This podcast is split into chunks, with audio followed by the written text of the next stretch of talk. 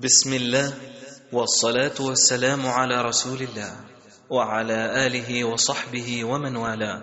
أما بعد فيسر إخوانكم في تسجيلات السلف الصالح للإنتاج الإعلامي والتوزيع بالإسكندرية. أن يقدموا لكم هذه المادة لفضيلة الشيخ مصطفى دياب. إن الحمد لله نحمده ونستعينه ونستغفره. ونعوذ بالله من شرور أنفسنا ومن سيئات أعمالنا. من يهده الله فلا مضل له ومن يضلل فلا هادي له وأشهد أن لا إله إلا الله وحده لا شريك له وأشهد أن محمدا عبده ورسوله صلى الله عليه وسلم. ثم أما بعد تكلمنا في الأسبوع الماضي في قصة عمير بن وهب رضي الله عنه وسردنا يعني مجمل هذه القصة ثم تتبعنا بعض صور آذية الرسول صلى الله عليه وسلم. ثم نحن الليلة بمشيئة الله نتتبع أيضا بعض هذه الصور ولكن قبل ما نبدأ في هذه صور صور الإيذاء نذكر أن الله سبحانه وتعالى يعني شرح صدر النبي صلى الله عليه وسلم ومن عليه صلى الله عليه وسلم بالعطاء الجزيل. ثم إن هؤلاء الكفرة يجحدون النبي صلى الله عليه وسلم. والنبي صلى الله عليه وسلم قد حفظه الله وقد عصمه الله سبحانه وتعالى من أعدائه. ومهما كادوا ومهما أرادوا أن يأتوا على النبي صلى الله عليه وسلم فإن الله سبحانه وتعالى ناصره ومؤيده وقال الله سبحانه وتعالى ألم نشرح لك صدرك؟ ألم نشرح لك صدرك؟ فقال أما شرحنا لك صدرك فصار وسيعا فسيحا. يعني شرح الله سبحانه وتعالى صدر نبيه صلى الله عليه وسلم. فصار صدره صلى الله عليه وسلم فسيحا واسعا يتقبل ويسمح بهذه الأخلاق الرديئة أن يسمعها وأن يتحملها وأن يصبر على أذى هؤلاء الكفار وعلى أذى هؤلاء المعاندين. فقد أهله ربه سبحانه وتعالى لتحمل هذا الإيذاء. ألم نشرح لك صدرك؟ فقد من الله سبحانه وتعالى على نبيه صلى الله عليه وسلم بأن أهله أن يصبر ويتحمل هذه الأعباء التي سوف تلقى عليه صلى الله عليه وسلم وما يتعرض له النبي صلى الله عليه وسلم. شرحنا لك صدرك. فوسعت أخلاقك. فوسعت أخلاقك. يعني أصبحت واسعة. تسع الرديء وتسع الحسن. وعفوت عن تقصيرك. كل ما قصر فيه النبي صلى الله عليه وسلم أو قصر فيه أعداؤه فإن النبي صلى الله عليه وسلم يعفو عن هذا التقصير. يعفو عن هذا لو أن إنسان قصر في حق الرسول عليه الصلاة والسلام في حياته فهو قد يعفو عن هذا التقصير. هو صلى الله عليه وسلم يعفو عن هذا التقصير ويصفح كذلك عن أخطاء هؤلاء المجرمين أو المعاندين. لحكمة يبغيها النبي صلى الله عليه وسلم. يقول شرحنا لك صدرك فكنت كالغيث جوادا وكالبحر كرما وكالنسيم لطفا. تعطي السائل وتمنح الراغب وتكرم القاصد وتجود على المؤمل. المؤمل الذي يريد الخير يؤمله ويعطيه النبي صلى الله عليه وسلم. شرحنا لك صدرك فصار بردا وسلاما يطفئ الكلمة الجافية. لو سمع النبي صلى الله عليه وسلم كلمات جافيات فصدر النبي صلى الله عليه وسلم الواسع يتحملها ويطفئ لهيب هذه الكلمات الحارة الشديدة يطفئها قلبه صلى الله عليه وسلم. شرحنا لك صدرك فصبرت على جفاء الأعراب وكلنا يرى كيف كان يأتي الأعرابي من هذا يمسك بالنبي صلى الله عليه وسلم ويجذبه ويقول له يا محمد صلى الله عليه وسلم اعطني مما أعطاك الله يا محمد صلى الله عليه وسلم ويقول ويقول ولا يتأدب. مع النبي صلى الله عليه وسلم ومع ذلك كان النبي صلى الله عليه وسلم يتسع صدره لهؤلاء الذين كانت عندهم الجفوة والقسوة. وقال وشرحنا لك صدرك فكنت بساما في الأزمات بساما في الأزمات. كان يتلقى النبي صلى الله عليه وسلم الصدمات والأزمات والأخبار الشاقة الضارة كان يتقبلها بالبسمة. لما أتى هذان الرجلان أتى إلى إلى النبي صلى الله عليه وسلم الذين أرسلهما الهرمزان أو أرسلهما هذا باذان حاكم اليمن. لما أرسلهما إلى النبي صلى الله عليه وسلم ليأتيان به. فقال للنبي صلى الله عليه وسلم إن باذان يقول لك تعالى معنا حتى ندفع بك إلى كسرى. فالنبي صلى الله عليه وسلم بعد ما سمع كلامهما الغليظ والخالي من الأدب تبسم النبي صلى الله عليه وسلم. فكان أمام الصعاب وأمام الاماكن الأشياء الشاقة على نفسيته كان يتبسم صلى الله عليه وسلم وكان يأخذ الأمر بروح هادئة وبلطف وما هذا إلا لأن الله سبحانه وتعالى شرح صدره. قال شرحنا لك صدرك. فكنت بساما في الأزمات ضحاكا في الملمات مسرورا وأنت في عين العاصفة. يعني إذا كانت الشدة فإن النبي صلى الله عليه وسلم يكون مسرور. يكون في قمة سروره وسعادته إذا كان الأمر اشتد لأنه يعلم أن بعد هذه الشدة وبعد هذا الضيق يكون الفرج. يكون الفرج. انظروا كيف كان شأنه صلى الله عليه وسلم ليلة الأحزاب. وقد تألب الناس عليه صلى الله عليه وسلم فهرع إلى الصلاة. وقف يصلي.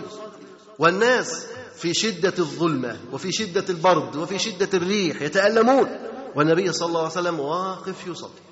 يصلي صلى الله عليه وسلم. يقابل هذه العاصفة يقابل هذه الشدائد بقلب راسخ بهدوء لأنه يعلم أن الله سبحانه وتعالى ناصره. وما هذا إلا لأن الله عز وجل شرح صدره.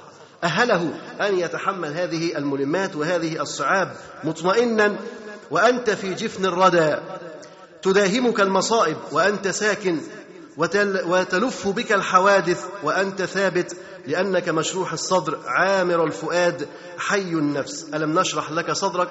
قال البخاري عن ابن عباس رضي الله عنه شرح الله صدره للإسلام. شرح الله صدره للإسلام فعاش بالإسلام ودعا للإسلام وعمل بالإسلام وقاتل من أجل هذا الدين. عن ابن كثير نورناه وجعلناه فسيحا. ألم نشرح لك صدرك؟ يعني نورناه وجعلناه فسيحا رحيبا واسعا.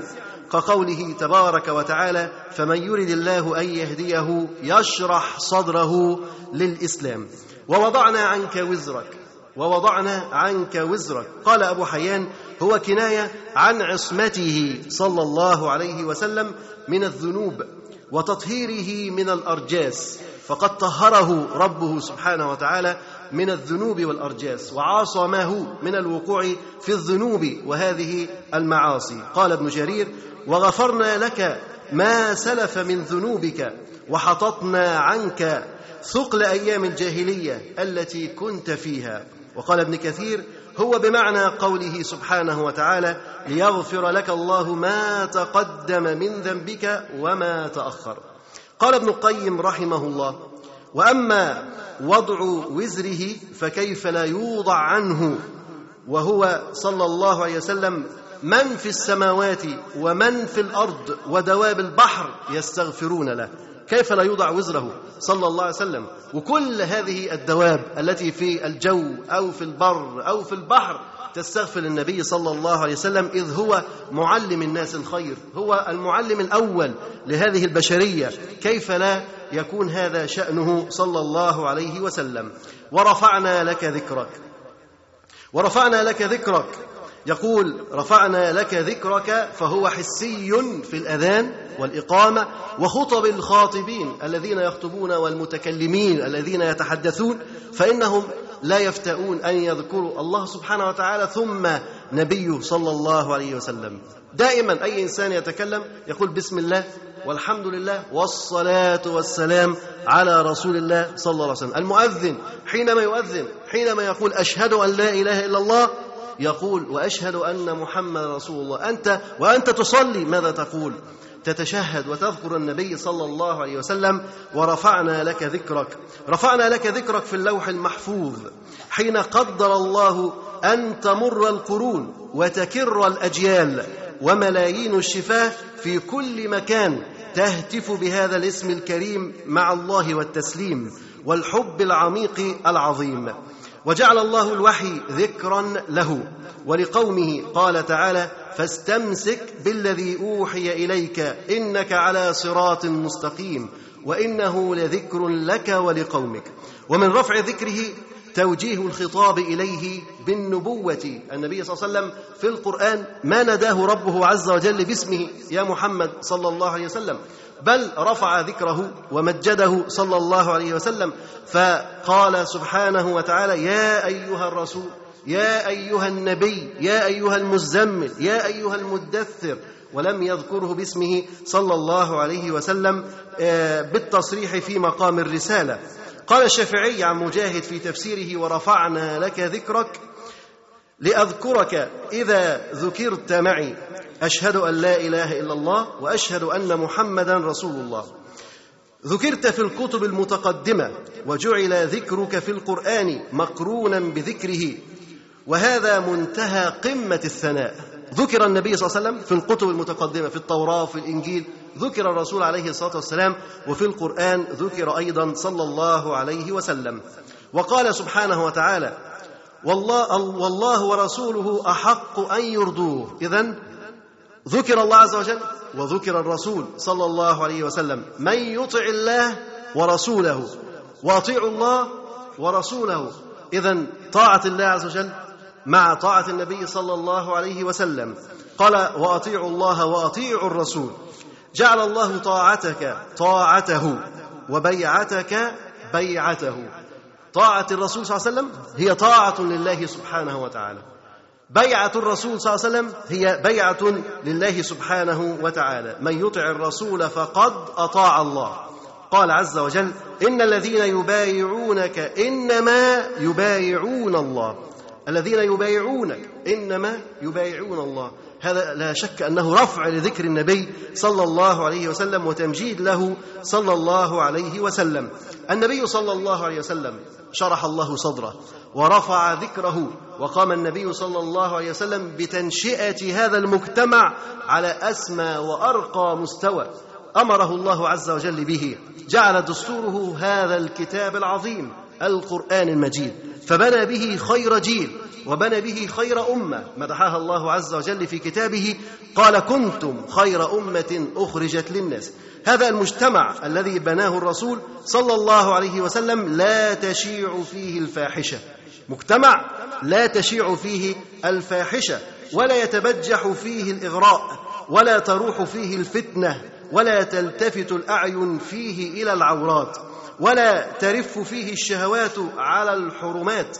لا تجد الإنسان يتطلع إلى ما حرم الله سبحانه وتعالى لأنه مأمور ولأنه ينفذ أمر ربه عز وجل. ولا ينطلق فيه سعار الجنس ولا عرامة اللحم والدم. فتأمن الزوجة على زوجها ويأمن الزوج على زوجته. هذا المجتمع مجتمع فيه الحياء فيه الحشمة فيه الستر فالرجل يأمن على زوجته والزوجة تأمن على زوجها إذا صار في الطريق. لا يرى هذه المنكرات لا يرى هذه الأجساد العارية. فتأمن الزوجه على زوجها وهذا الزوج يأمن كذلك على زوجته. فلا يفترسها وحش من هذه الوحوش الكاسرة. ويأمن الأولياء على حرماتهم ويأمن الجميع على أعصابهم وقلوبهم حيث لا تقع العيون على المفاتن ولا تقود العيون القلوب إلى المحارم ولا رغائب مكبوتة ولا قلق للأعصاب ولا أمراض للنفوس وإنما مجتمع نظيف عفيف آمن ساكن ترف عليه أجنحة السلم والطهر والأمان. هذا هو مجتمع النبي. صلى الله عليه وسلم. أما مجتمع الذين خالفوا أمر الرسول صلى الله عليه وسلم فشتان. شتان ما بين مجتمع الإسلام ومجتمع الخوف والجريمة وحضارة الدجال الأعور. هذا الطهر والعفاف والمثل والمثل العليا في دنيا الناس أين منها حضارة الغرب حضارة الجريمة والخوف؟ فعلى الخوف ينام الغرب وعليه يصحو. وصدق فيه قول الله تبارك وتعالى ضرب الله مثلا قرية كانت آمنة مطمئنة يأتيها رزقها رغدا من كل مكان فكفرت بأنعم الله فأذاقها الله لباس الجوع والخوف بما كانوا يصنعون. تصريحات كثيرة لأهل هذه الحضارة يثبتون فيها أنهم يعيشون في الخوف والاضطراب وأنهم لا يأمنون على أنفسهم ولا على أولادهم ولا على أموالهم. هذه الدول المتقدمة في نظرنا هي في الحقيقة متخلفة بل هي في الحقيقة لا تأمن ولا تنعم بالراحة التي يأمن بها المجتمع الإسلامي الذي عاش في ربوع هذه الشريعة المطهرة. في تصريح لرئيس الندوة الدولية لمكافحة الجريمة والإرهاب الجنرال أناتولي كوليكوف يقول إن هناك حوالي 400 ألف جريمة ترتكب يوميا. 400 ألف إيه؟ جريمة يعني قربت من نص مليون. 400 ألف جريمة ترتكب يوميا في العالم. وإن الجريمة قد نمت زادت خلال الأعوام الثلاثين الأخيرة حوالي ثمانين مرة في الولايات المتحدة الأمريكية. الجريمة زادت 80 مرة معدل 80 ضعف. 80 مرة زيادة. وسبع مرات في بريطانيا والسويد وأربع مرات في جمهوريات الاتحاد السوفيتي ومرتين في اليابان. وانظر إلى حضارة الدجال الأعور المادية المزيفة التي كفرت بمحمد صلى الله عليه وسلم رسول السلام الذي قال عنه ربه تبارك وتعالى وما أرسلناك إلا رحمة للعالمين. فرفضوا شرعه. وسخروا منه واستهزأوا به. وهو الطهر كل الطهر يدب على الأرض والأمن معه. فماذا حصلوا؟ حصلوا الجرائم. جرائم غسل الأموال المتحصلة من جريمة المخدرات والجريمة المنظمة. تكلف المجتمع الدولي سنويا 1500 مليار دولار. المخدرات والجريمة المنظمة تكلف المجتمع سنويا 1500 مليار دولار. كثير من دول العالم المتقدمة صارت نسبة الشرطة فيها إلى السكان تتراوح بين 500 إلى 1000 عنصر أمن لكل 100 ألف نسمة من السكان ومع هذا فشلوا يعني من 500 ل 1000 بني آدم أمن قصاد كام؟ قصاد مئة ألف نسمة يعني كل مئة ألف نسمة قصادهم ألف عنصر يعني كل عشرة ليهم واحد ولا إيه؟ على كل عشرة واحد على كل عشرة واحد صح كده؟ مية؟ على كل مية واحد. لكل مية واحد. يقول عدد الذين يتعاطون المخدرات في أمريكا سنة 96 97 مليون نسمة. دول بس اللي بيتعاطوا المخدرات دول المحسوبين. أما اللي بيشربوا مخدرات سرقة واللي هم بيشموا بس والحاجات الخفيفة ديت كلها يعني مش محسوبة. دي حاجات اللي داخلة الإحصائيات واللي دخلت الأقسام والتي رصدتها الدولة. يقول ونقل العلامة الما المو العلامة في دائرة المعارف البريطانية أنه في الأربعينات كان 90% من الشباب الأمريكي مصابا بالزهري وده مرض جنسي يقول و60% من الشباب الأمريكي مصابا بالسيلان نتيجة طبعا ارتكاب الفواحش والمنكرات واللواط وما إلى ذلك. نسبة المرضى عقليا وعصبيا ونفسيا في السويد. السويد دي أرقى دولة وفي الدخل وال يعني دخل الفرد عالي جدا أعلى دخل للفرد في العالم في دولة السويد. ومع ذلك تجد إن الناس عندهم مرضى عندهم مرض نفسي وعقلي كثير جدا. لماذا؟ يشعرون بالتيه يشعرون بالضياع.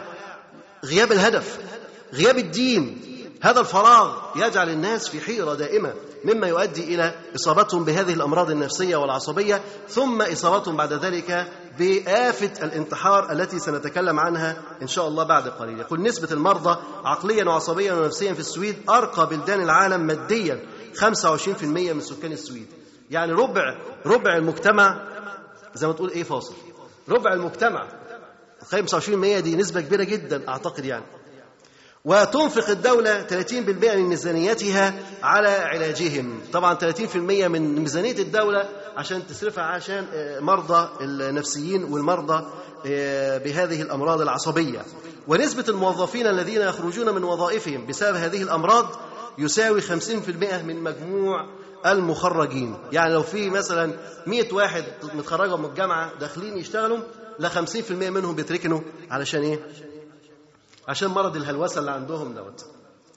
ويقول سي ويبرز إن شخصا من كل 22 شخصا من سكان نيويورك يجب إدخاله أحد مستشفيات الأمراض العقلية بين آن وآخر.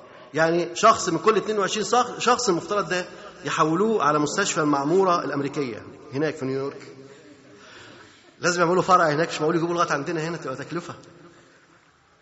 يقول يوجد 95 مليون مدمن في أمريكا. 95 مليون مدمن في أمريكا. ده سنة 97 كانوا كام؟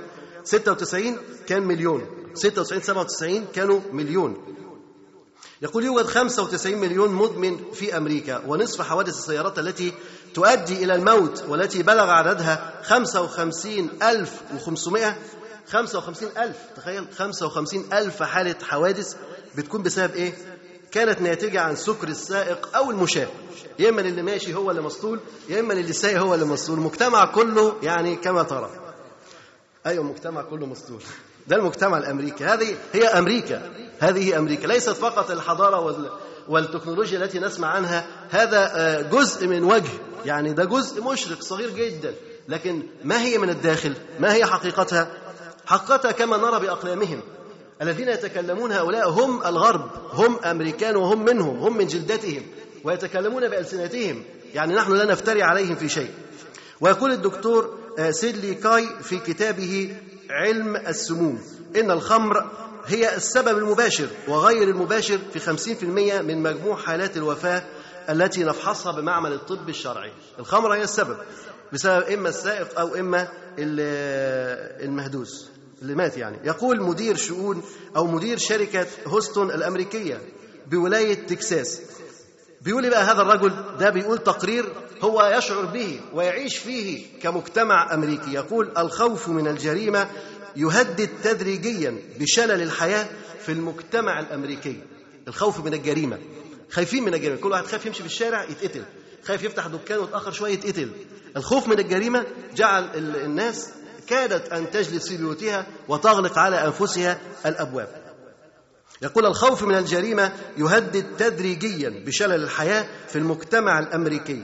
لقد سمحنا لأنفسنا بالتحلل والتفسخ إلى الحد الذي أصبحنا فيه نعيش مثل ما تعيش الحيوانات هم.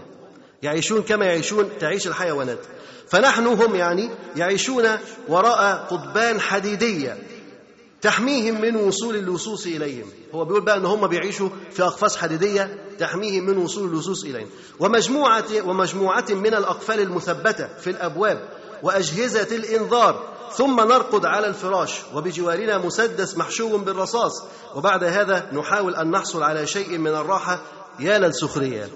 هذا الراجل بيقول إن هم يعني نتيجة التفسخ والتسيب الذي حدث في المجتمع وانتشار الجريمة أصبحوا يعيشون في خوف شديد. هذا الخوف جعلهم يعيشون في بيوتهم ويجعلون على الأبواب أبواب أخرى حديدية مثل القضبان ويضعون على هذه الأبواب الحديدية أقفال ضخمة تخيل كده إن أنت مثلا قفلت باب الشقة وبعد كده قمت عملت باب تاني من بره حديد يعني تقفل باب الحديد وبعدين تقفل باب الشقة وبعد ذلك تدخل تنام وتنام وأنت جنبك هو بقى جنبه عشان انت ممنوع الحاجات دي عندك. انت تنام وجنبك مسدس. اي حرامي يدخل عليك ده متوقع بعد كل الاحتياطات دي ان حرامي يدخل كمان. هيدخل منين؟ إيه؟ اذا كان الشباك حديد والباب حديد وهو نام وجنبه مسدس ومع ذلك الخوف من الجريمة يجعله تفتكر ده هيستريح إزاي؟ ده هينام إزاي؟ ولذلك إذا سمعت أنهم ينامون تحت الأرض يبقى في خنادق وفي حاجات سراديب تحت الأرض حتى يطمئنوا ما تستغربش. ما تستغربش إن يكون في قصور ومباني مبنية تحت الأرض دور واثنين وثلاثة؟ أمر يعني أمر عادي لأنهم يبحثون عن الأمن يبحثون عن الأمان. والأمن والأمان إذا عكسنا المشهد تنظر إلى عمر بن الخطاب وهو ينام على الأرض. ينظر الرجل أين أميركم؟ هو ده الأمير. هو ده الأمير. هذا الذي دوخ قيصر الروم هذا هو الأمير ينام على الأرض. مشهد عجيب. هذا عمر الخطاب الذي يفتح بيت المقدس يركب على حمار ويدخل به هكذا بلا حراسة مشددة. هذا عمر بن الخطاب. بل قل قبله النبي صلى الله عليه وسلم وهو يرقد تحت الشجرة.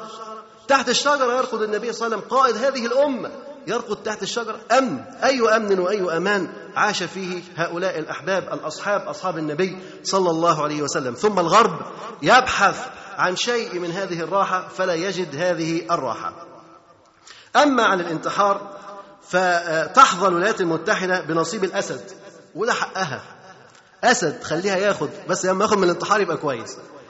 تحظى بنصيب الأسد في عدد المقدمين على أو المقدمين على الانتحار. فقد بلغ عددهم خلال عام واحد ما يقارب الربع مليون شخص.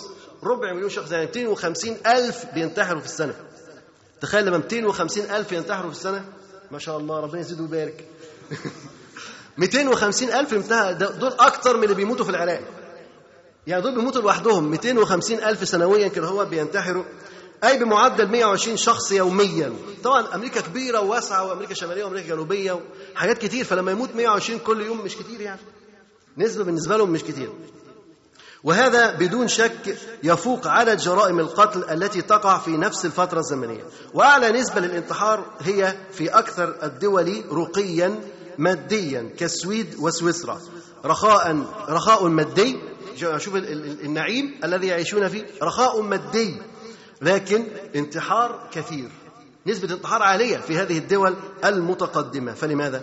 وشعب الدنمارك الذي سخر سخرت صحفه من رسول الله صلى الله عليه وسلم هو كشعب السويد مهدد بالانقراض. عامل زي الديناصورات.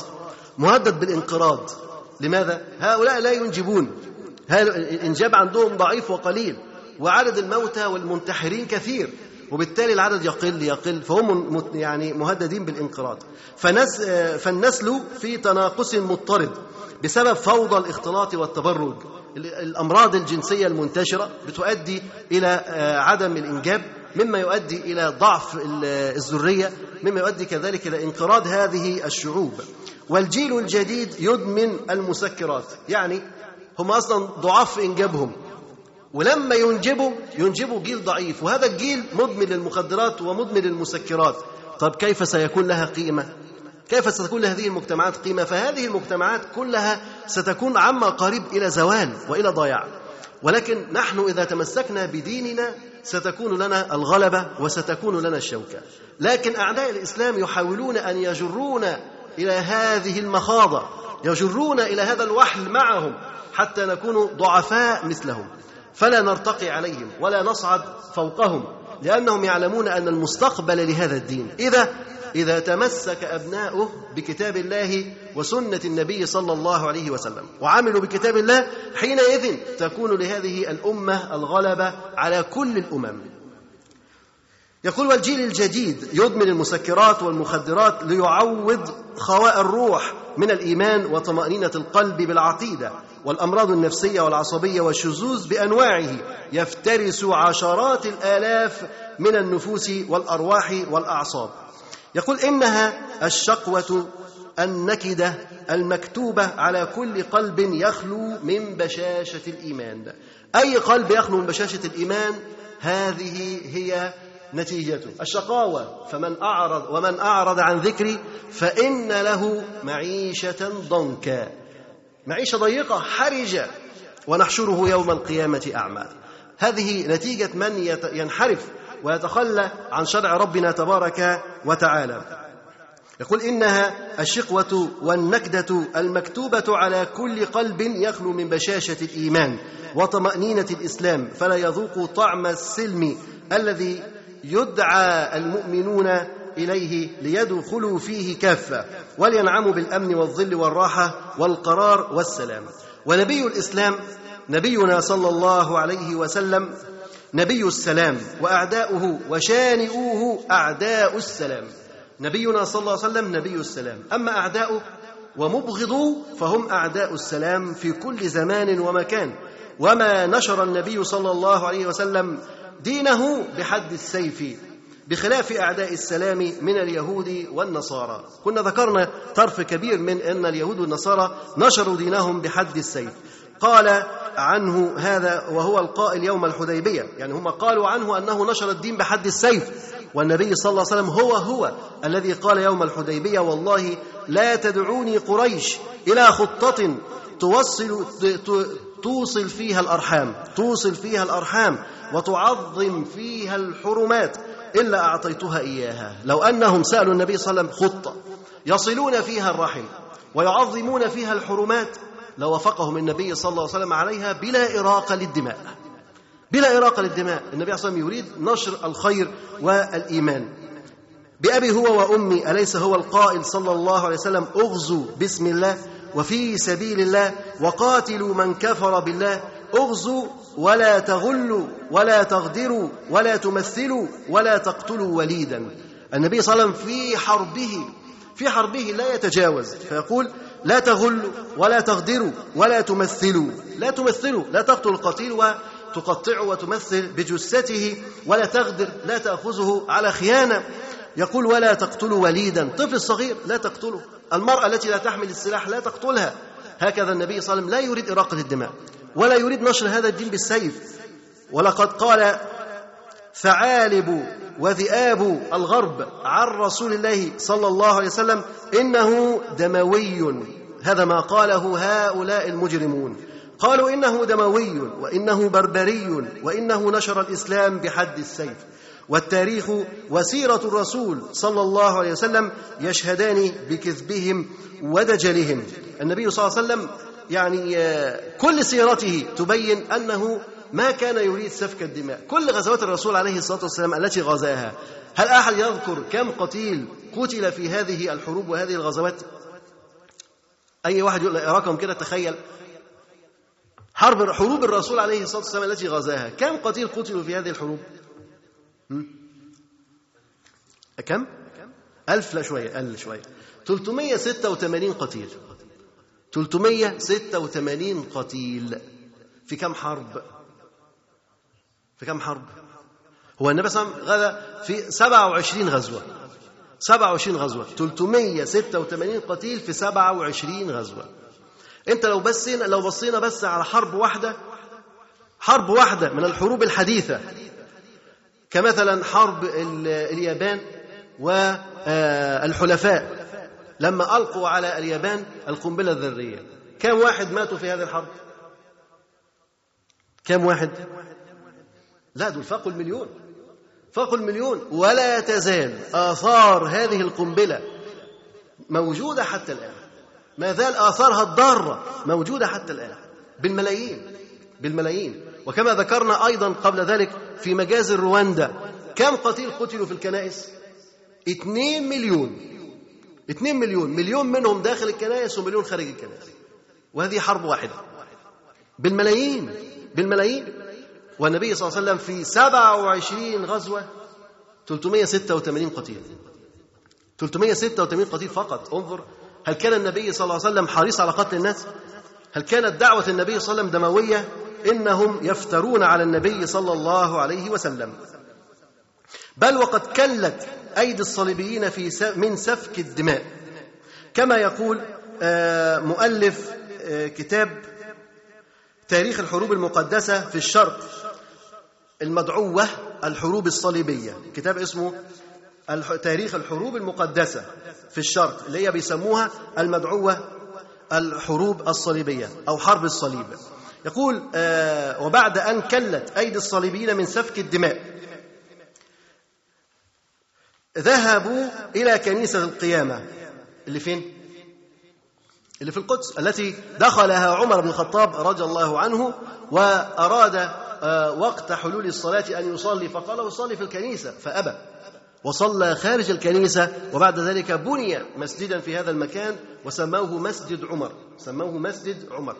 فذهبوا بعد ما سفكوا دماء المسلمين إلى كنيسة القيامة التي حررها عمر بن الخطاب رضي الله عنه وتحرج أن يصلي فيها كي لا تظل خالصة للنصرانية والنصارى. ذهب الصليبيون إلى كنيسة القيامة وهم سكارى يرددون الصلوات. أي صلوات هذه وهم سكارى مخمورين؟ وأيديهم غارقة في دماء المسلمين الذين ذبحوهم في مسجد عمر بن الخطاب رضي الله عنه. وبعبارة شهود العيان النصارى يقولون جملة بقى. منهم هم اللي بيقولوا. يقولون ولما حل المساء اندفع الصليبيون يبكون من فرط الضحك. اندفع الصليبيون يبكون من كثرة الضحك. بعد أن أتوا على نبيذ المعاصر إلى كنيسة القيامة ووضعوا أكفهم الغارقة في الدماء على جدرانها ورددوا الصلوات. ثم كتبوا إلى البابا الذهبي أوربان الثاني الذي صنع لهم مفاتيح الجنة. لقاء هذا الذي صنعوه بالإسلام والمسلمين. عمل لهم مفتاح كده أقول لهم ده مفتاح الجنة. خلاص خدتوه. قاعد يعمل أي حاجة. صك وفرام ماشي مفتاح الجنة ماشي قاعدين يوزعهم الجنة وكأنها بقت ملكهم. فأعطاهم هذا المفتاح نظير ما صنعوه بالإسلام والمسلمين فقالوا يا ليتك كنت معنا لتشهد خيولنا وهي تسبح في دماء الكفار. اللي هم مين؟ اللي هم المسلمين. فالملك شارلمان فرض النصرانية على السكسونيين بحد السيف. وفي الدنمارك استأصل الملك كنوت الديانات غير المسيحية في بلاده بالقوة والإرهاب. وفي روسيا فرض الأمير فلاديمير المسيحية الأرثوذكسية على كل الروس غداة اعتناقه لها سنة 988 هو اعتنق المسيحية من هنا وهو خلى كله يدخل فيها غصب عنهم. وفي الجبل الأسود ذبح دانيال غير المسيحيين بمن فيهم المسلمون ليلة عيد الميلاد سنة 1703 ميلادية. اللي مش مسلمين كله اللي مش, مسلمين مش م... الذين ليسوا مسيحيين قتلهم. وفي المجر أرغم الملك شارل روبرت غير المسيحيين على التنصر أو النفي من البلاد سنة 1340 وفي أسبانيا قبل الفتح الإسلامي لها أقسم الملوك على التنفيذ بالقوة لقرار المجمع الكنسي السادس في طليطلة تحريم كل المذاهب المخالفة للمذهب الكاثوليكي. أما الحروب الدينية التي قادتها وخاضتها الكنيسة الغربية بعضها ضد البعض الآخر أي في داخل الكنيسة بين الكاثوليك والأرثوذكس فهي كثيرة جدا. ويقول ولقد ذهب ضحية لهذه الحروب أربعين بالمئة من سكان وسط أوروبا وفق إحصاء فولتير عام 1694 ل 1778 عشرة ملايين إنسان. عشرة مليون. عشرة مليون. وذلك غير حرب الكنيسة اللاتينية الغربية ضد كنيسة آيا صوفيا طبعا كل الحاجات ديت هم يذبحوا في بعضهم مش مشكلة ولكن هم بيعملوا كده ليه؟ بيذبحوا في بعضهم ليه؟ لنشر المذاهب والمعتقدات لنشر دينهم. واحد ارثوذكسي عايز ينشر الارثوذكسيه يقتل الكاثوليك ويقتل البروتستانت. اذا ما الذي ينتشر بحد السيف؟ هذه الديانات أم الإسلام هو الذي ينتشر بحد السيف؟ آه أيضا الملك شارل مان قلنا ذكر النصرانية أو فرض النصرانية على السكسونيين دول بحد السيف. يقول أما أحدث صفحات وموجات هذه الحروب الدينية الغربية ضد الإسلام وأمته وعالمه فهي تلك التي أعلنها اليمين الديني الأمريكي في الإدارة الأمريكية بقيادة بوش الصغير بعد أحداث الحادي عشر من سبتمبر 2001 وهي حرب تستهدف بترول الشرق الأوسط من منطقة البحيرات الإفريقية إلى بحر قزوين. مرورا بالعراق والخليج العربي لتحقيق الهيمنة الأمريكية على العالم وانفراد الإمبريالية الأمريكية بالزعامة دون شريك في القرن الواحد والعشرين. ويقودها اليمين الديني الأمريكي برؤية توراتية يعني ماشيين بأسس ماشيين بقوانين ماشيين بشريعة كما يعتقدون.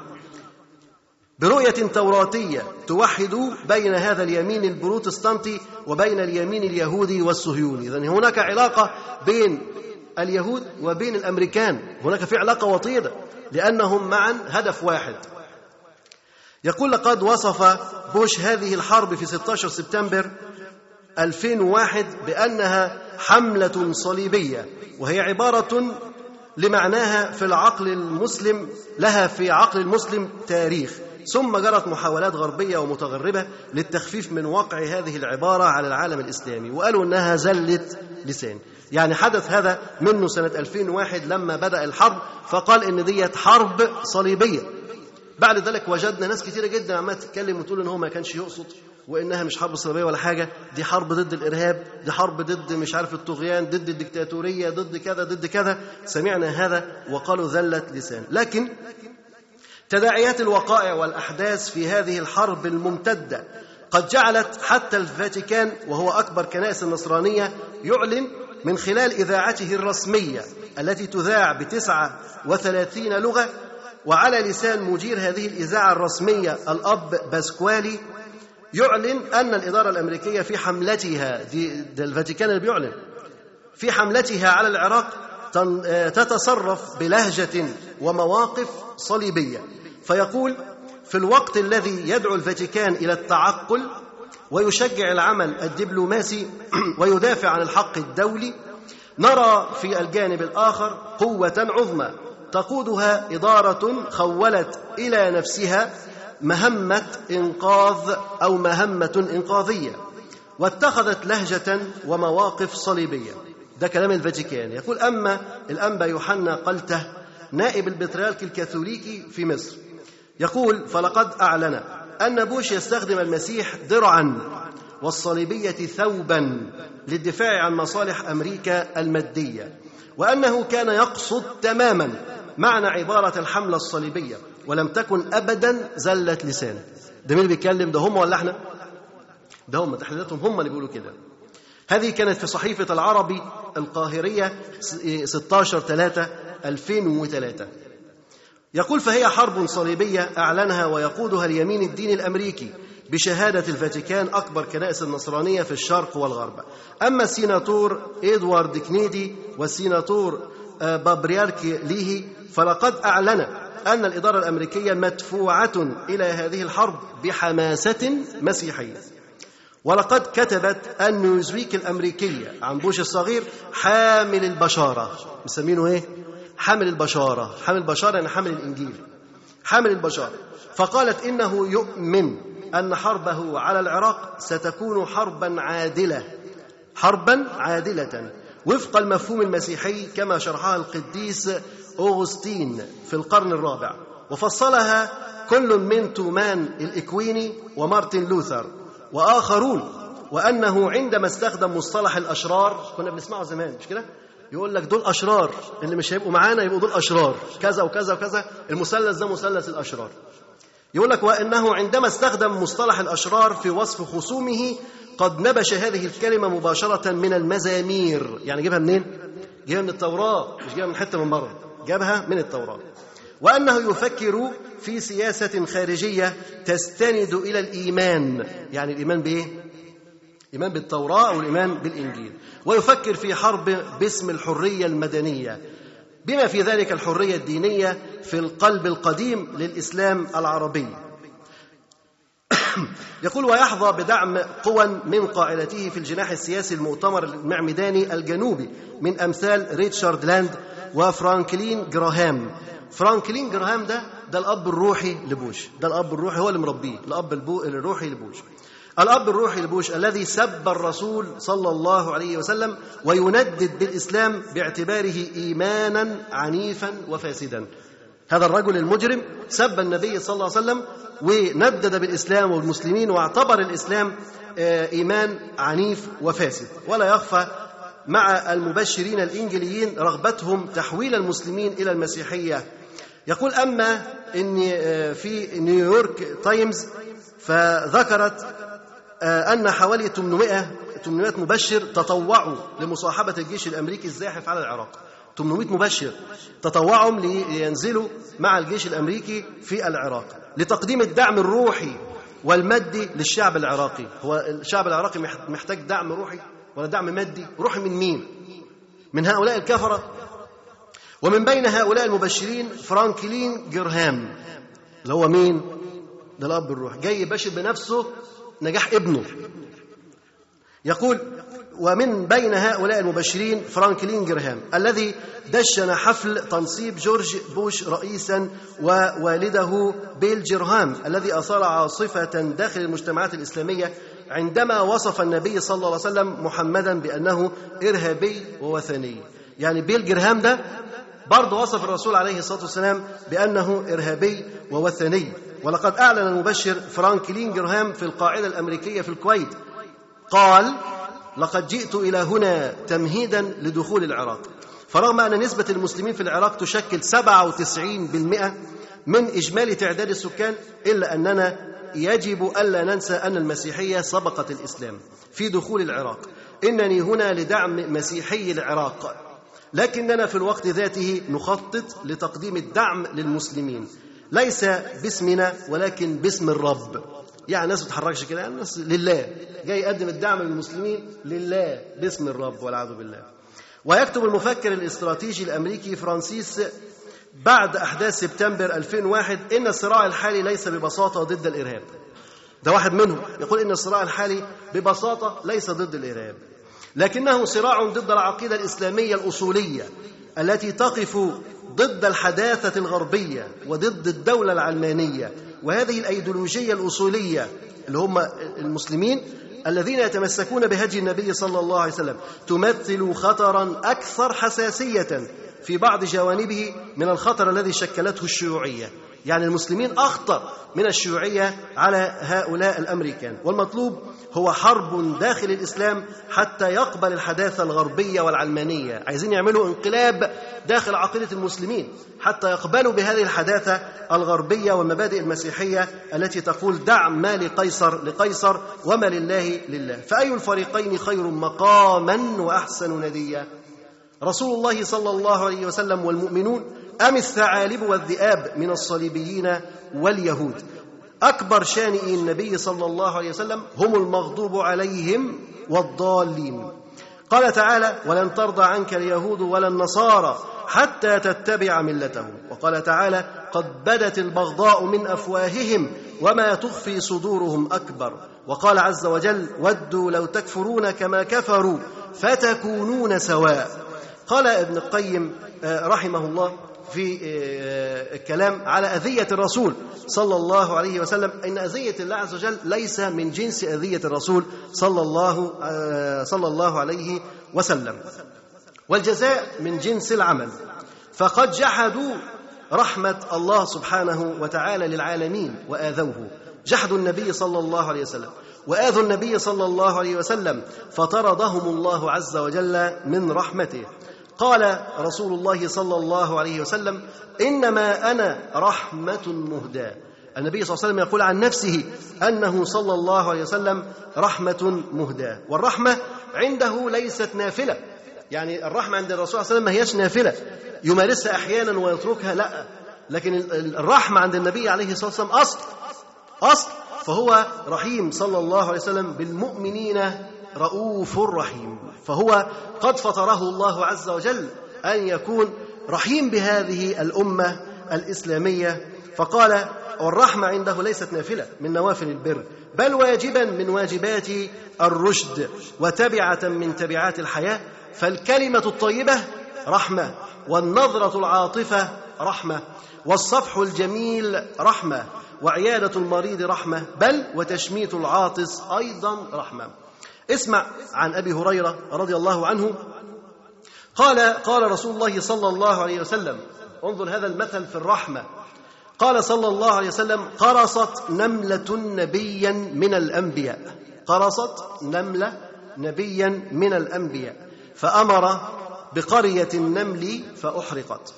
فأوحى الله تعالى إليه أن قرصتك نملة أحرقت أمة من الأمم تسبح انظر إلى هذا الحديث. انظر إلى هذه الرحمة. ليست على الإنسان فقط وليست على الحيوانات فقط. نقول هذا جمل هذه بقرة هذا كذا لا. بل وعلى هذه الحشرات التي أحيانا تؤذي الإنسان.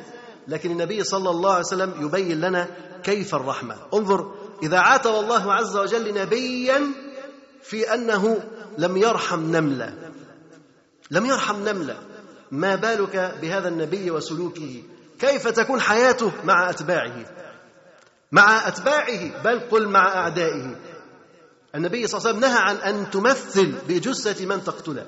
يعني إذا كنت في الحرب وقتلت لا تمثل بجثته. قال صلى الله عليه وسلم قرصت نملة نبيا من الأنبياء فأمر بقرية النمل فأحرقت. نبي نايم تحت شجرة. جت نملة قامت قرصة. طبعا اتضايق النبي ماذا يفعل؟ فأمر أن تحرق قرية النمل بأسرها. آذى هذا النمل كله عذب هذا النمل كله بسبب إيه؟ بسبب نملة واحدة. المفترض كان يعاقب هذه النملة كان يقتل هذه النملة لكنه تجاوز لكنه تعدى وتخلى عن الرحمة قليلا في هذا المقام فقتل واجي من النمل. قتل قرية من النمل. قال صلى الله عليه وسلم فأمر بقرية النمل فأحرقت. فأوحى الله تعالى إليه ان قرصتك نملة أحرقت أمة من الأمم تسبح. ان قرصتك نملة عشان نملة واحدة قرصتك أحرقت أمة من الأمم تسبح انظروا كيف تتألق إنسانية النبي صلى الله عليه وسلم ورحمته وكيف تسمو وتشرق. إن الذي يؤاخذه الله في هذه القصة ويعاتبه عن تخليه عن الرحمة تجاه حفنة من النمل ليس فرضا عاديا. من الذي يعاتب؟ هل هو فرد عادي؟ مش فرد عادي. ده مين؟ ده نبي. بل هو نبي من الأنبياء. هو نبي من الأنبياء لا يتخلى عن الرحمة. حتى مع الحيوان حتى مع الحشرات لا تتخلى عن الرحمة. النبي صلى الله عليه وسلم رحمة لهذه الأمة. وأتباعه كذلك رحمة لهذه الأمة. قال رسول الله صلى الله عليه وسلم من قتل وزغ عارفين وزغ. برص البرص قال من قتل وزغة في أول ضربة كتب له مئة حسنة. اللي يضرب ال- الوزغة من أول اللي يقتلها من أول ضربة له مئة حسنة. ومن قاتلها في الضربة الثانية فله كذا وكذا حسنة. وإن قتلها في الضربة الثالثة فله كذا وكذا حسنة. يعني أقل أقل. إيش الشاهد من الحديث ده؟ هنقوله تاني وخلي بالك من الشاهد لماذا يذكره النبي صلى الله عليه وسلم مرة أخرى؟ يقول صلى الله عليه وسلم من قتل وزغة في أول ضربة كتب كتب له مئة حسنة. ومن قتلها في الضربة الثانية كتب له كذا وكذا حسنة أقل. ومن قت وإن قتلها في الضربة الثالثة فله كذا وكذا حسنة أقل. التعذيب؟ الرحمة. الرحمة. حتى وانت بتقتل هذه الوزغة. التي أحيانا تكون سامة وضارة وقاتلة. لكن وانت بتقتلها تقتلها إزاي؟ عذبها؟ لا النبي صلى الله عليه وسلم يشجع. اللي يضربها من أول مرة اللي يقتلها من أول مرة له 100 حسنة وتاني مرة أقل. وتالت مرة أقل. أنت تعمل إيه؟ عايز المية فبتضربها من أول مرة. حتى تكون ماهرا في إصابتك لهذا الهدف رغم أنها حشرة ضارة أو حيوان ضار. قاتل ممكن يضرك لكن النبي صلى الله عليه وسلم يأمر بالتعجل والسرعة في قتله وعدم تعذيبه حتى هذا الحيوان الصغير. قل جائزة لمن يصيب الهدف دون أن يبعث منه أنين. اضرب من أول مرة ما تخليش البرص إيه يصرخ. من أول ضربة مات مئة حسنة بدون أنين. ذلك أن الرفق والرحمة عند النبي صلى الله عليه وسلم هي جوهر الحياة وزينتها. الرحمة عند النبي صلى الله عليه وسلم. هي جوهر الحياة. عشان كده حتى هذا البرص الصغير الوزغة الصغيرة وانت بتقتلها؟ اقتلها برحمة. واحد يقول لك طب لو في صرصار؟ برضه برحمة. يعني خبطة واحدة بالقبقاب أو بالشبشب وريحه. بدل ما تفضل تمسك شنباته وتفضل تلف بيه مش لا تعذب حتى هذه الحشرات الصغيرة. وقال النبي صلى الله عليه وسلم ما كان الرفق في شيء إلا زانه. ولا نزع من شيء إلا شانه. لما الرفق يكون في شيء يزينه ويحليه. وقال صلى الله عليه وسلم الراحمون يرحمهم الرحمن تبارك وتعالى. ارحموا من في الأرض يرحمكم من في السماء. وقال صلى الله عليه وسلم بينما كلب يطيف بركية كاد يقتله العطش. إذ رأته بغي من بغايا بني إسرائيل فنزعت موقها فاستقت له به فغفر لها. انظر هذا كلب قتله العطش وأمامه الماء لكنه في بئر لا يستطيع. قتله الماء أمام ركية من الماء. ماذا يفعل؟ يلهث يقتله عطش مرت به امرأة بغي بغي زانية والعياذ بالله من بغايا بني إسرائيل. فلما نظرت إليه رحمته رحمته دبت الرحمة في قلبها وأشفقت عليه.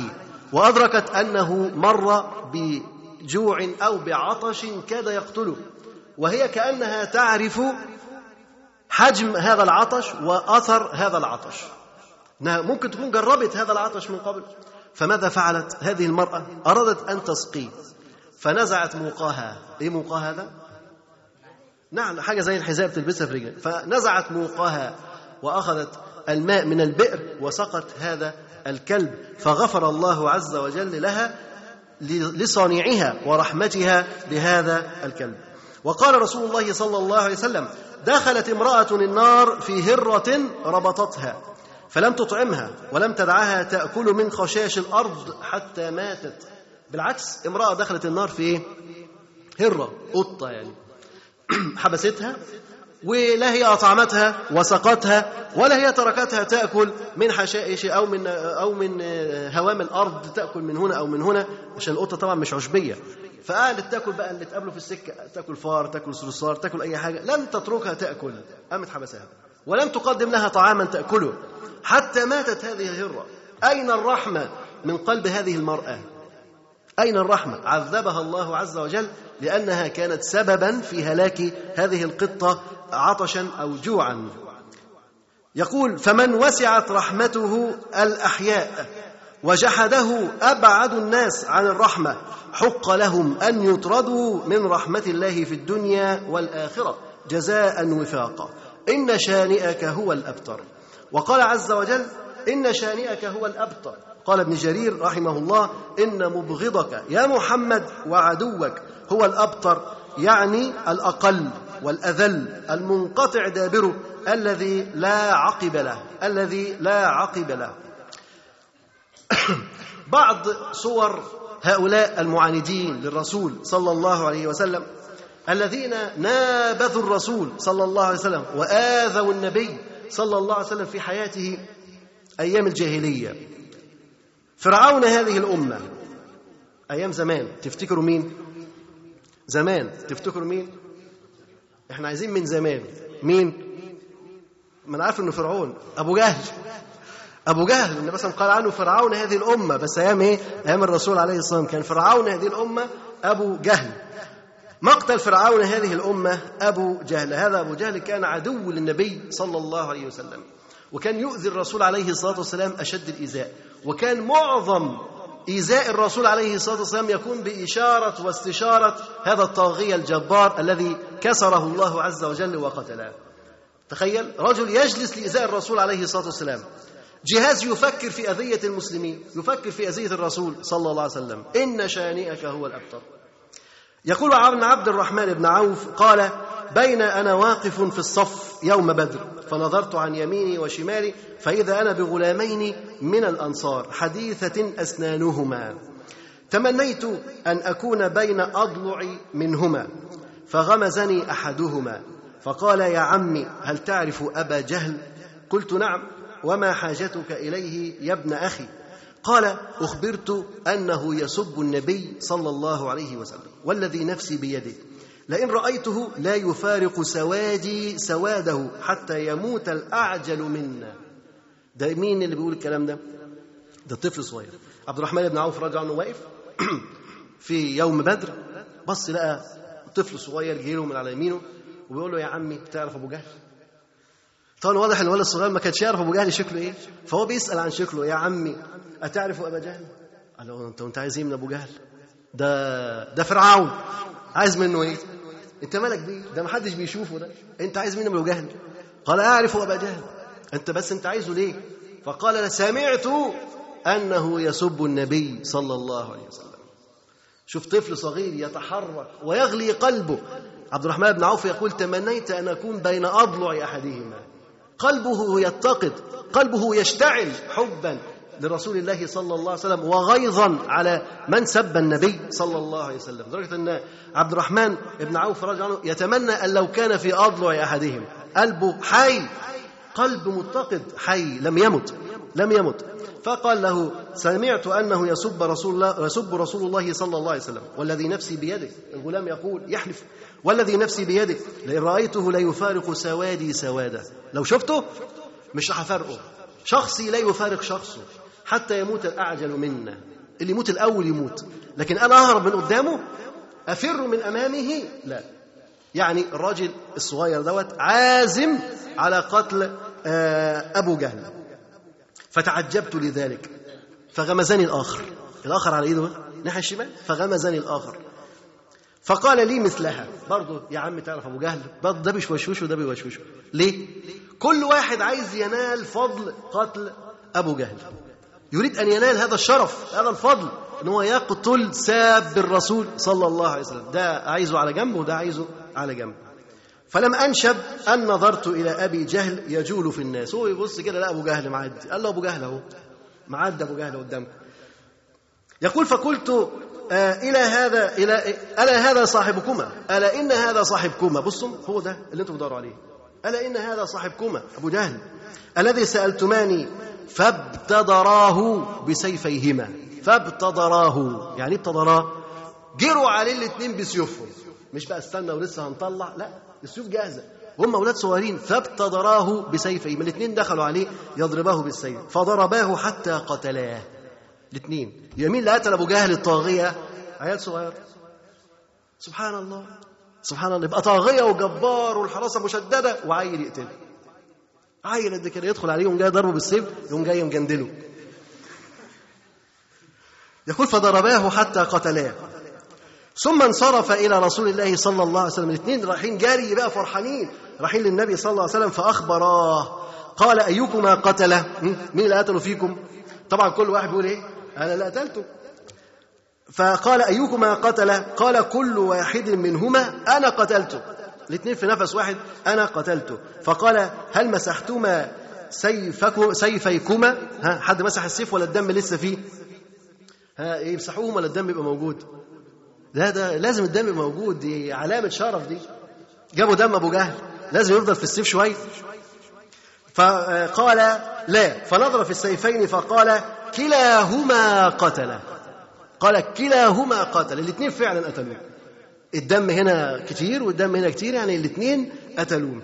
يقول آه كلاهما قتل ثم سلبه لمعاذ بن عمرو بن الجموح. وأعطى سلبه لمعاذ بن عمرو بن الجموح لأن هو وجد إن هو اللي ابتدأ الأول.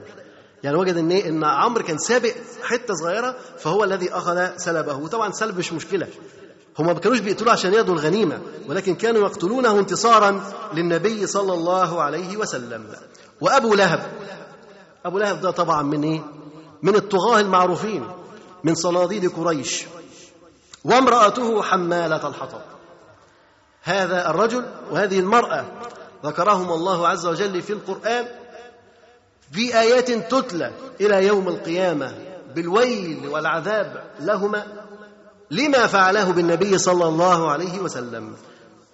يقول أفمن رغب عن الله كمن رغب إلى الله؟ لا يستويان ولا يلتقيان. هل يستوي من رسول الله قائده دوما وآخر هاجيه أبو لهب؟ وأين من كانت الزهراء أسوتها؟ ممن تقفت خطى حمالة الحطب. أبو لهب هذا الذي أفرد الله ذكره من الكفار من كفار قريش ده اللي ذكر في القرآن. هو أحد أعمام رسول الله صلى الله عليه وسلم واسمه عبد العزى بن عبد المطلب. ده مش بعيد عن النبي صلى الله عليه وسلم ده قريبه. ده أحد اعمامه أعمام الرسول صلى الله عليه وسلم. وامرأته أم جميل واسمها أروى بنت حرب بن أمية وهي أخت أبي سفيان أخت أبي سفيان.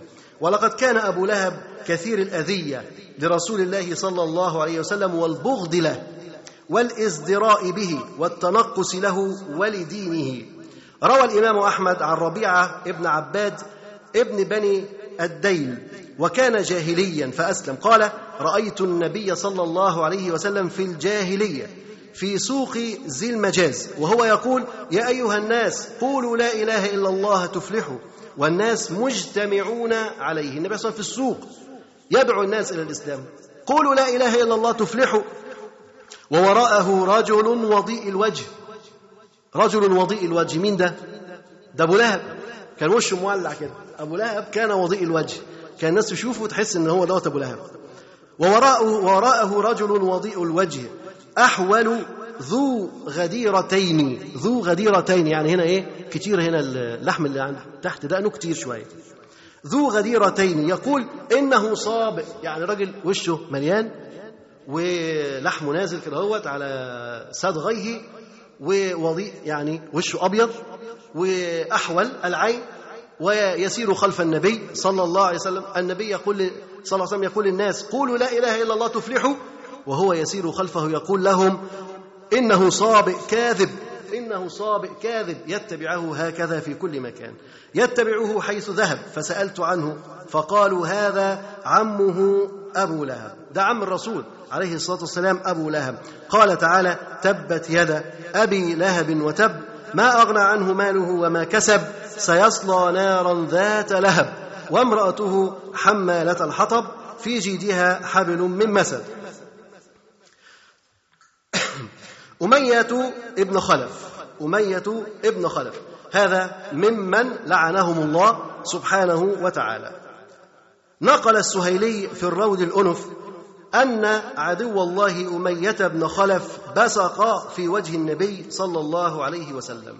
هذا الرجل عدو الله وعدو رسول الله صلى الله عليه وسلم بصق في وجه النبي صلى الله عليه وسلم. وعن عبد الرحمن بن عوف قال كاتبت أمية. كاتب أمية ابن خلف. يقول فلما كان يوم بدر, يوم بدر فأبصره بلال. فلما خشيت أن يلحقون خلفت لهم ابنه لأشغلهم فقتلوه. ثم أتوا حتى تبعونا وكان رجلا ثقيلا. فلما أدركونا قلت له أبرك فبرك. فألقيت عليه نفسي لأمنعه. فتخللوه بالسيوف من تحتي حتى قتلوه. وأصاب أحدهم رجلي بسيفه فكان عبد الرحمن بن عوف يرينا ذلك الأثر في ظهر قدمه. هذا المشهد يحكي كيف قتل عدو الله أمية بن خلف. أمية بن خلف كان كاتب عبد الرحمن بن عوف يعني كان في بينهم اتفاق معاهدة. إن ده يحمي دوت في مكانه وده يحمي ده في مكانه. يعني لو إن عبد الرحمن بن عوف نزل عند آه، أمية فأمية يحميه. ولو إن أمية نزل عند عبد الرحمن بن عوف عبد الرحمن بن عوف يحميه. وفعلا عبد الرحمن بن عوف كان موجود فأمية بن خلف نزل عليه. فبلال أبصره. وبلال يعلم أنه بصق في وجه النبي صلى الله عليه وسلم. جروا وراه عشان يلحقوه فطبعا قعدوا يجروا هما الاثنين عبد الرحمن بن عوف ومعاه أمية بن خلف وابن أمية بن خلف وبيجروا قدام وبلال وراهم علشان يقتل مين؟ يقتل مين؟ أمية بن خلف. فطبعا آه، عبد الرحمن بن عوف خايف على أمية بن خلف عشان العهد بس عشان العهد الذي بينهما. فأشار على أمية بن خلف أن يترك ابنه قال له سيب ابنك يشغلهم بيه. مش معقول يقتلوا الولا يعني؟ هو كان كبير ما كانش صغير. فتركوا ابن أمية بن خلف فتركوه فقتلوه. المسلمين قتلوا ابن أمية بن خلف خلصوا عليه بسرعة وقاموا جاريين يكملوا جاري ورا آه، أمية بن خلف. فلما عبد الرحمن بن عوف وجد إن هم أدركوهم خلاص قريبين منهم قال لأمية بن خلف ابرك نام نام على الأرض. فأمية بن خلف نام على الأرض وكان جثة كبيرة قوي كان عامل زي الفيل نام على الأرض. عبد الرحمن بن عوف نام عليه عشان يستره من سيوف المسلمين. لكن ماذا فعل بلال؟ أخذ ينابشه بالسيف ويعاوره بالسيف ويتخلله بالسيف أكنه بيشفيه أكنه بيعمله لحمة مخلية. قاعد من رجل عبد الرحمن بن عوف هنا قام جاي ضارب من الناحية الثانية يضرب من هنا يضرب من هنا من كل حتة قاعد يضرب لغاية ما اجهزوا على الراجل وقتلوه لدرجة إن ضربة من ضربات السيوف ديت ضربة واحدة بس جت في رجل عبد الرحمن بن عوف وده يدل على مهارة المسلمين في القتال. إن واحد نايم فوق واحد كامل كده وبيحميه وهم عمالين يضربوه من تحتيه لغاية ما إيه؟ ما خللوه فضوه من تحتيه لغاية ما خمدت الجثة وبرد يعني مات وهلك. هذا الثاني العاصي بن وائل لعنه الله. هو اسمه العاصي وهو عاصي. العاصي بن وائل لعنه الله. وهذا رأس من رؤوس الكفر المستهزئين برسول الله صلى الله عليه وسلم وبالقرآن. هذا كان يستهزئ بالرسول عليه الصلاة والسلام ويستهزئ كذلك آه، بالقرآن. وعن سعيد بن جبير عن ابن عباس قال إن العاص بن وائل أخذ عظما من البطحاء ففته بيده. العاص بن وائل أخذ عظم من من البطحاء المكان اللي بيدفنوا فيه كده أخذ عظم عظم بالي فأخذه ففته يعني كسره فتته. طبعا العظم بالي جدا فلما فته اتفرك العظم في إيديه وأصبح كرماد أصبح أجزاء بالية ففته بيده. ثم قال للرسول صلى الله عليه وسلم بيهزأ ويسخر وينكر. قال أيحيي الله هذا بعدما رم؟ بعد ما بقى رميم؟ يحيي الله هذا؟ وكأنه ينكر ويستنكر على النبي صلى الله عليه وسلم ما يقوله ويكذب بالقرآن. فقال رسول الله صلى الله عليه وسلم نعم يميتك الله ثم يحييك ثم يدخلك جهنم. قال النبي صلى الله عليه وسلم نعم يميتك الله ثم يحييك ثم يدخلك جهنم. قال ونزلت الآيات في آخر سورة ياسين. مرج هذا اللعين العاصي على حمار. كيف مات؟ ركب على حماره وبيجري بهذا الحمار. الحمارة بتاعته تعثرت في آه، جزء صخري. فوقع هو من فوق هذا الحمار على عود شوك فدخل في أكحله فقتله فمات. العود خدشه. العود خدشه. عود لا يقتل. تخيل واحد دخل في رجله مثلا مسمار صغير. ممكن يموت؟ دخل في رجله شوكة من خشب ممكن يموت؟ لكن قدر الله عز وجل له أن يهلك. وقع من على ظهر الحمار فدخلت فيه شوكة صغيرة فمات بسببها. مرج هذا اللعين العاصي على حمار له يريد الطائف فربض به على شبرقة. فدخلت في أخمص رجليه رجله شوكة فقتلت. وقع نطر الحمار من عليه فوقع على شوكة صغيرة دخلت في إخمص رجله فقتلته. أيضا هناك من كانوا يخادعون الرسول صلى الله عليه وسلم. عن أنس رضي الله عنه قال كان رجل نصراني فأسلم وقرأ القرآن يعني قرأ سورة البقرة وآل عمران فكان يكتب للنبي صلى الله عليه وسلم فعاد نصرانيا. رجل نصراني أسلم وقرأ البقرة وقرأ آية سورة آية آل عمران ثم بعد ذلك انقلب مرة ثانية وارتد نصرانيا. فكان يقول ما يدري محمد صلى الله عليه وسلم إلا ما كتبت له. ما يدري إلا ما كتبت له. هو كان بيكتب للرسول عليه الصلاة والسلام لأن النبي كان أميا. فالنبي صلى الله عليه وسلم استعمله في الكتابة فهو كان يكتب للرسول عليه الصلاة والسلام. فخرج بعد ما تنصر ويقول إن محمد يقول ما يدري محمد إلا ما كنت إلا ما كتبت له. فأماته الله فدفنوه فأصبح ولقد لفظته الأرض. هذا الرجل افترى على النبي صلى الله عليه وسلم وخادع النبي صلى الله عليه وسلم أبدى الإسلام ثم بعد ذلك بعد ما أدناه النبي صلى الله عليه وسلم وقربه وجعله يكتب له كفر بعد ذلك وارتد وعاد إلى النصرانية. ثم عاد يفتري على الرسول صلى الله عليه وسلم ويقول أن النبي صلى الله عليه وسلم لا يعلم شيء إلا ما يكتبه له هذا الرجل الكافر. فأماته الله سبحانه وتعالى. فأتى الناس ليدفنوه. فحروا له في الأرض ودفنوه. بعد ما دفنوه وانصرفوا أتوا عليه في اليوم التالي وجدوا الأرض قد لفظت. الأرض طلعته فقالوا هذا محمد وصحبه. هو سيدنا محمد اتهموا الرسول عليه الصلاة والسلام بأنه هو الذي فعل ذلك. فقالوا هذا فعل محمد وأصحابه. لما هرب منهم نبشوا عن صاحبنا. يقولوا لما هرب منهم فنبشوا قبره وألقوه خارج القبر. فحفروا له فأعمقوا خلاص ماشي. فعل الرسول عليه الصلاة والسلام مثلا يعني. فحفروا له حفرة أخرى وأعمقوا هذه الحفرة. فأصبح وقد لفظته الأرض.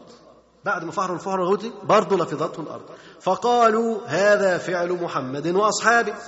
نبشوا عن صاحبنا لما هرب منهم. فألقوه خارج القبر فحفروا له وأعمقوا له في الأرض ما استطاعوا. قعدوا يفحروا يفحروا يفحروا غويطة جدا. طبعا بيفحروا ويحطوا الجثة وبعدين يدفنوا عليها بتراب كتير. ممكن نفسهم واصحابه يجي يعملوا كده ويشيلوه ويطلعوا فأصبح قد لفظته الأرض. تاني برضو بعد الفحرة العميقة ديت فعلموا أنه ليس من الناس فألقوه. عرفوا أن دوت مش فعل بشر إن ده مش فعل الناس. فسابوه في الأرض هكذا لم تقبله الأرض. سابوه مرمي كالكلاب على وجه الأرض. يظهر عوره وينتفخ ويصيبه العفن وتصيبه هذه الأمراض كلها على وجه الأرض.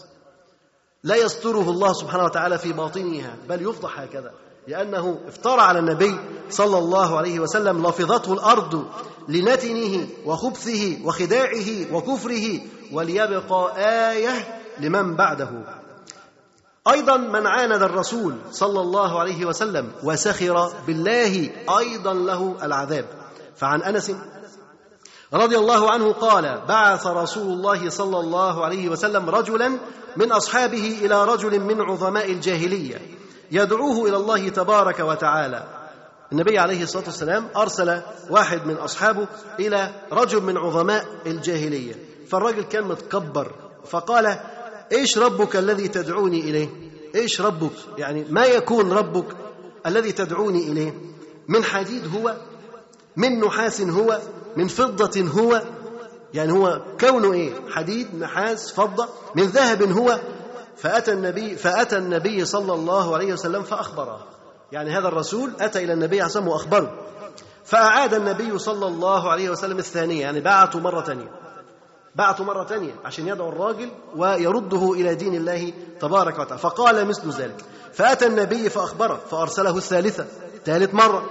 فقال مثل ذلك. فأتى النبي فأخبره فأرسل الله تبارك وتعالى عليه صاعقة فأحرقت أرسل الله عليه صاعقة فأحرقته. فقال رسول الله صلى الله عليه وسلم إن الله تبارك وتعالى قد أرسل على صاحبك صاعقة فأحرقت بيقول كده لمين؟ بيقول كده للرسول اللي كان بيبعته. قال له إن الله عز وجل أرسل صاعقة على صاحبك فأحرقت. بنو النضير ومحاولتهم قتل النبي صلى الله عليه وسلم. محاولات اغتيال الرسول عليه الصلاة والسلام كانت كثيرة ومحاولات إيذائه كانت أكثر صلى الله عليه وسلم. فهذه واحدة من محاولات اغتيال الرسول صلى الله عليه وسلم. بنو النضير ومحاولتهم قتل النبي صلى الله عليه وسلم. خرج النبي إلى بني النضير صلى الله عليه وسلم. يستعينهم في دية رجلين. النبي عليه الصلاة والسلام عنده آه اثنين من الصحابة قتل رجلين. كان في بينه وبين أهلهم عهد. يبقى لابد ان النبي صلى الله عليه وسلم يدفع دية الرجلين دول. لكن خزينة الدولة لم تكن كافية لسداد هذه الدية. يعني النبي صلى الله عليه وسلم ما كانش عنده فلوس يدفع الدية الراجلين ما كانش فيه فلوس. فذهب النبي صلى الله عليه وسلم يستلف من اليهود دية هذين الرجلين. دية هذين الرجلين. يقول ذهب النبي صلى الله عليه وسلم إلى بني النضير يستعينهم في دية رجلين قتلهما عمرو بن أمية الضمري. قال ابن إسحاق فلما أتاهم يستعينهم قالوا نعم. آه نديك ما ندكش ليه نسلفك اللي أنت عايزه. ثم خلا بعضهم ببعض. فقالوا إنكم لن تجدوه على مثل هذه الحياة قال لهم مش هتلاقوا فرصة أحسن من دي. جاي بدون حراسة ومحدش معاه. مش هتلاقوا فرصة أحسن من دي. عشان تقتلوه وتستريحوا وتخلصوا البشرية منه صلى الله عليه وسلم. تبا لهم. قال وكان جالسا إلى جانب جدار لهم.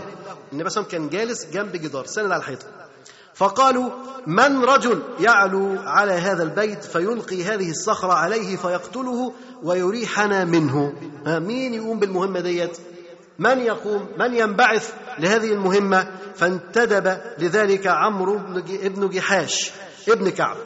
فأتى النبي الخبر. أتى إلى النبي صلى الله عليه وسلم الخبر منين؟ من السماء.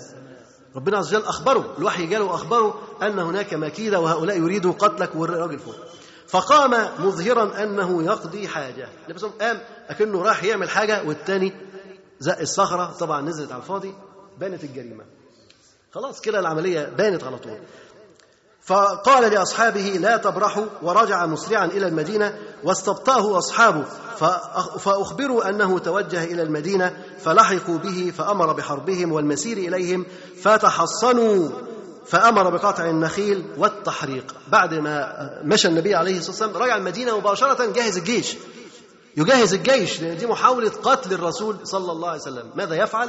يرجع إلى المدينة مباشرة ليجهز الجيش ويرجع إليهم مرة ثانية. فدخلوا الحصون كالجرزان زي الفيران جبنة. دخلوا الحصون وقفوا نفسهم بابا فحاصرهم النبي صلى الله عليه وسلم وأحرق لهم الزروع وجفف عليهم حتى استسلموا وبعد ذلك خرجوا.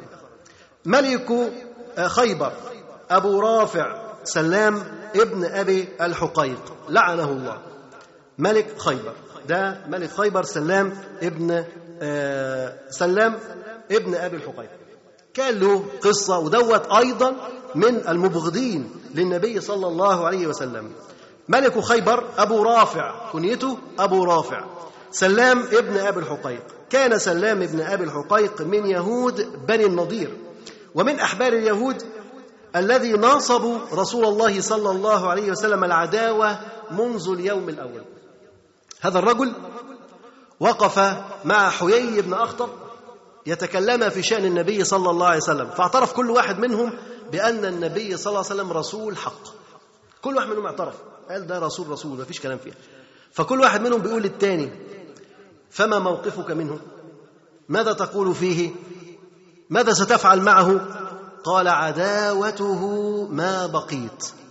والعياذ بالله. قال عداوته ما بقيت. عارف انه الرسول ومع ذلك يقول عداوته ما بقيت. فهذا الرجل يعادي الرسول صلى الله عليه وسلم منذ اليوم الأول. يعاد الدعوة لدين الله عز وجل منذ الوهلة الأولى. وهو من أحبار يهود الذين نزل فيهم القرآن لحقدهم على رسول الله صلى الله عليه وسلم ولكونهم كانوا يتعنتونه ولكذبهم وزورهم وقولهم إن دين قريش خير من الإسلام. قريش جيت تسألهم قريش وثنيين يعبدون الأصنام فأتوا إلى اليهود أهل كتاب فقالوا لهم أنتم أهل كتاب أي أيها خير ديننا أم دين محمد يعني قريش وكأنها كانت فعلا مش عارفة الحق فين وعايزة تعرف راحت فين؟ راحت لليهود أنتوا أهل كتاب عندكم علم بالأنبياء وبالكتب أيهما أفضل؟ دين محمد صلى الله عليه وسلم أم ديننا عبادة الأوثان؟ ماذا تقول اليهود؟ قالوا دينكم دين قريش. فقالت إن دين قريش خير من الإسلام. كذب وافتراء وعداوة للنبي صلى الله عليه وسلم. وحين حاصر النبي صلى الله عليه وسلم بني النضير وأجلاهم عن المدينة كان سلام يهدد المسلمين قائلا إن حلفائي بخيبر لعشرة آلاف مقاتل. يعني النبي كان حاصرهم وبيجليهم من الأرض بيطردهم وهو كان بيهدد المسلمين ويقول إن حلفائي بخيبر لعشرة آلاف مقاتل. أي نعم معناش إحنا قوة دلوقتي لكن في قوة أجنبية بره عشر آلاف مقاتل تحت أمر سلام ابن أبي الحقيق فبلغ رسول الله صلى الله عليه وسلم قوله فتبسم. انظر كيف كان النبي صلى الله عليه وسلم يتلقى الأخبار. فتبسم عشرة آلاف مقاتل ويتبسم النبي صلى الله عليه وسلم ويقول فتبسم ثم دارت الدائرة على بني النضير فاستسلموا للمسلمين. وعن البراء بن عازب. كيف قتل بقى هذا الرجل؟ كيف قتل هذا الطاغية؟ سلام ابن أبي الحقيق. سلام ابن أبي الحقيق هذا كان مرابي. كان مرابي يعمل بالربا. وعادة اليهود يفتحون البنوك الربوية وما إلى ذلك. فالمهم إن هو كان رجل مرابي كبير جدا. ف... وكان طبعا ملك على بلده وأهله. وفي ليلة كان متحصن في حصنه وأراد الرجل البواب الذي يمسك بوابة الحصن أن يغلق الأبواب فإذا بحمار يخرج ويفقده. بالليل المغربية بقى كده بالليل. حمار خرج من البتاع وعايزين يهود مش يسيبوا الحمار قال لك لا عايزين الحمار. قعدوا يلفوا ويدوروا على الحمار. فكان النبي عليه الصلاة والسلام أرسل عبد الله بن أنيس وعبد الله بن عتيك ومعهما أربعة. لقتل سلام ابن أبي الحقيق أبو رافع. بعتهم النبي صلى الله عليه وسلم سرية. فعبد الله ابن عبد الله بن عتيك اقترب من باب الحصن وأراد أن يدخل. هم بيدوروا على الحمار وهو قرب من باب الحصن قرب من باب الحصن فنظر إليه البواب. فجلس وغطى رأسه كأنه يقضي حاجته. قام قاعد وقام جاي مغطي رأسه عشان ما يشوفوش. وكأنه يقضي حاجته. فالبواب لقى الحمار ودخل الحمار فبيقول له يا عبد الله إذا كنت تريد الدخول فادخل. هو مش عارف هو مين اللي قاعد بس هو بيقول له يا عبد الله أي واحد قاعد عبد الله لو عايز تدخل ادخل عشان عايز أقفل الباب. فطبعا عبد الله بن عتيك ما صدق قام جاي جري قام دخل جوه ودخل في مربد الحمار وإيه؟ قعد كن استخبى في المكان الذي يجلس فيه الحمار حتى يعني إظلم المكان. أصبح المكان مظلم تماما. فرأى أين وضع البواب؟ مفتاح الحصن. طبعا البواب قفل الباب وقفلوا بالمفتاح وحط المفتاح في قوة. فعبد الله رأى المفتاح في القوة فبعد ما انصرف هذا البواب ذهب المفتاح وأخذه وفتح الباب وتركه. ثم دخل إلى الحصن إلى داخل الحجرات التي يقطن فيها أبو رافع. دخل إليها. طبعا أبو رافع كان يوميها سهران عنده حفلة سمر عمال يشرب خمرة ومسطول. كعادته والناس عنده متسامرين. فجلس حتى انفض هذا الحفل. سنة لما خلص الحفلة خلاص كله راح نام في مكانه. طبعا وابو رافع كعادة الملوك يجلس في قصر حجرة جوه حجرة جوه حجرة أبواب كتيرة جدا عبال ما توصل له. فأخذ يفتح الباب بعد ما الناس ناموا وانصرفوا. أخذ يفتح باب باب يفتح الباب ويدخل ثم يغلق الباب ويغلق بالمفتاح. يعني هو بقى جوه يقفل على نفسه بالمفتاح ويفتح الباب اللي بعده ويدخل ويقفل على نفسه بالمفتاح. لغاية ما وصل للحجرة اللي فيها أبو رافع. طب هو كان بيقفل على نفسه بالمفتاح ليه؟ ها؟ عشان ما حدش يخش ماشي. إيه تاني؟ عشان أبو رافع ما يعرفش منه جميلة خالص. وكمان دي تبين لنا إن هو ما كانش ناوي يهرب. هو شخصيا هو شخصيا عبد الله بن عتيك مش ناوي يرجع. الباب مقفول خلاص. يعني أنا هو جوه. يخلص عليا خلصت عليه. طبعا ولاحظ إن مفيش لا كشافات ولا لمبات ولا أي نوع من أنواع الإضاءة. فدخل آه، عبد الله بن عتيق حتى وصل إلى حجرة أبو رافع. وصل الحجرة ضلمة ما فيش حاجة خالص. عايز يوصل له تخيل واحد نايم في أوضة ضلمة وأنت عايز توصل له هتحسس هتتكعبل فيه هيصحى طب وبعدين هتصحيه إزاي الراجل ده ونعرف مكانه إزاي؟ فالمهم هو واقف كده أهو أصدر صوت. قال أبا رافع. فالراجل صحى. قال من ينادي. فأم أهوى عليه بالسيف. لسه فاهمينها دلوقتي ولا إيه؟ بص هو مش عارف حاجة خالص أوضة ضلمة فنادى ابا رافع فالراجل مين بينادي؟ الدنيا ضلمة مين بينادي؟ فانتبه للصوت عرف اتجاه الصوت واهوى عليه بالسيف لكن ما أفلحت ما ضلمة معذور الراجل من أول ضربه عايز عايزه يموت ما ما أفلحتش بس هيعمل إيه؟ فانتظر قليلا ثم قال له يا أبا رافع ما هذا الصوت؟ إيه الجلبة اللي انت فيه إيه؟ قال له رجل دخل علي وأراد قتلي أم ضربه بالسيف. طبعا قاعد يصرخ بقى في الضربة الثانية ديت فأبو رافع عر... آه، عبد الله بن عتيك عرف إن الضربة جت فيه وقرب فقدم إليه ووضع السيف فيه حتى سمع صوت العظم. سمع صوت العظم يعني السيف داخل عمال يكسر في العظم. تك تك تك تك. خلص كأنه إيه؟ كأنه بي- بيفحر خلص عليه. طبعا هنا صوات وعويل فعبد الله بن عتيك عايز يجري كله بقى القصر كله سمع صوات آه، أبو رافع عمال يصرخ الراجل اتذبح عمال يصرخ. كله جه وعمال يكسروا في البيبان طب يعمل إيه عبد الله بن عتيق؟ ده قافل البيبان على نفسه فنط من الشباك. نط من الشباك نزل رجله اتكسرت. على طول خلع شال كان يلبسه قام جاي ربط رجله. مش قال لك بقى الإسعاف والعنايه المركزة. ربط رجله وجري على الباب المفتوح وقال لأصحابه الفرار الفرار أبشروا. فذهبوا يبشرون النبي عليه الصلاة والسلام. أول ما راح بشر الرسول عليه الصلاة والسلام فالرسول صلى الله عليه وسلم قال له ابسط يدك. ابسط ابسط رجلك. ابسط رجلك. افرد رجلك. ففرد رجله فمسحها النبي صلى الله عليه وسلم فعادت أفضل مما كانت نتيجة بركة الرسول صلى الله عليه وسلم. نكتفي إن شاء الله بهذا القدر ونستكمل مشيئة الله في الأسبوع القادم. وسبحانك اللهم وبحمدك أشهد أن لا إله إلا أنت أستغفرك وأتوب إليك. والسلام عليكم ورحمة الله وبركاته. جزى الله فضيلة الشيخ خير الجزاء. ونفعنا وإياكم بما سمعنا من العلم ورزقنا وإياكم العمل به.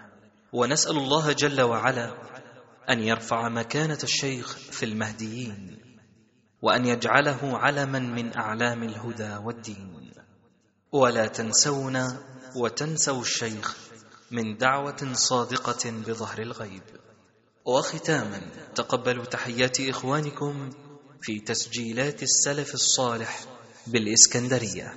هاتف رقم صفر ثلاثة فاصل أربعة تسعة أربعة سبعة ستة خمسة اثنان والتليفون محمول صفر عشرة واحد ستة أربعة واحد تسعة ثمانية صفر. والسلام عليكم ورحمة الله وبركاته.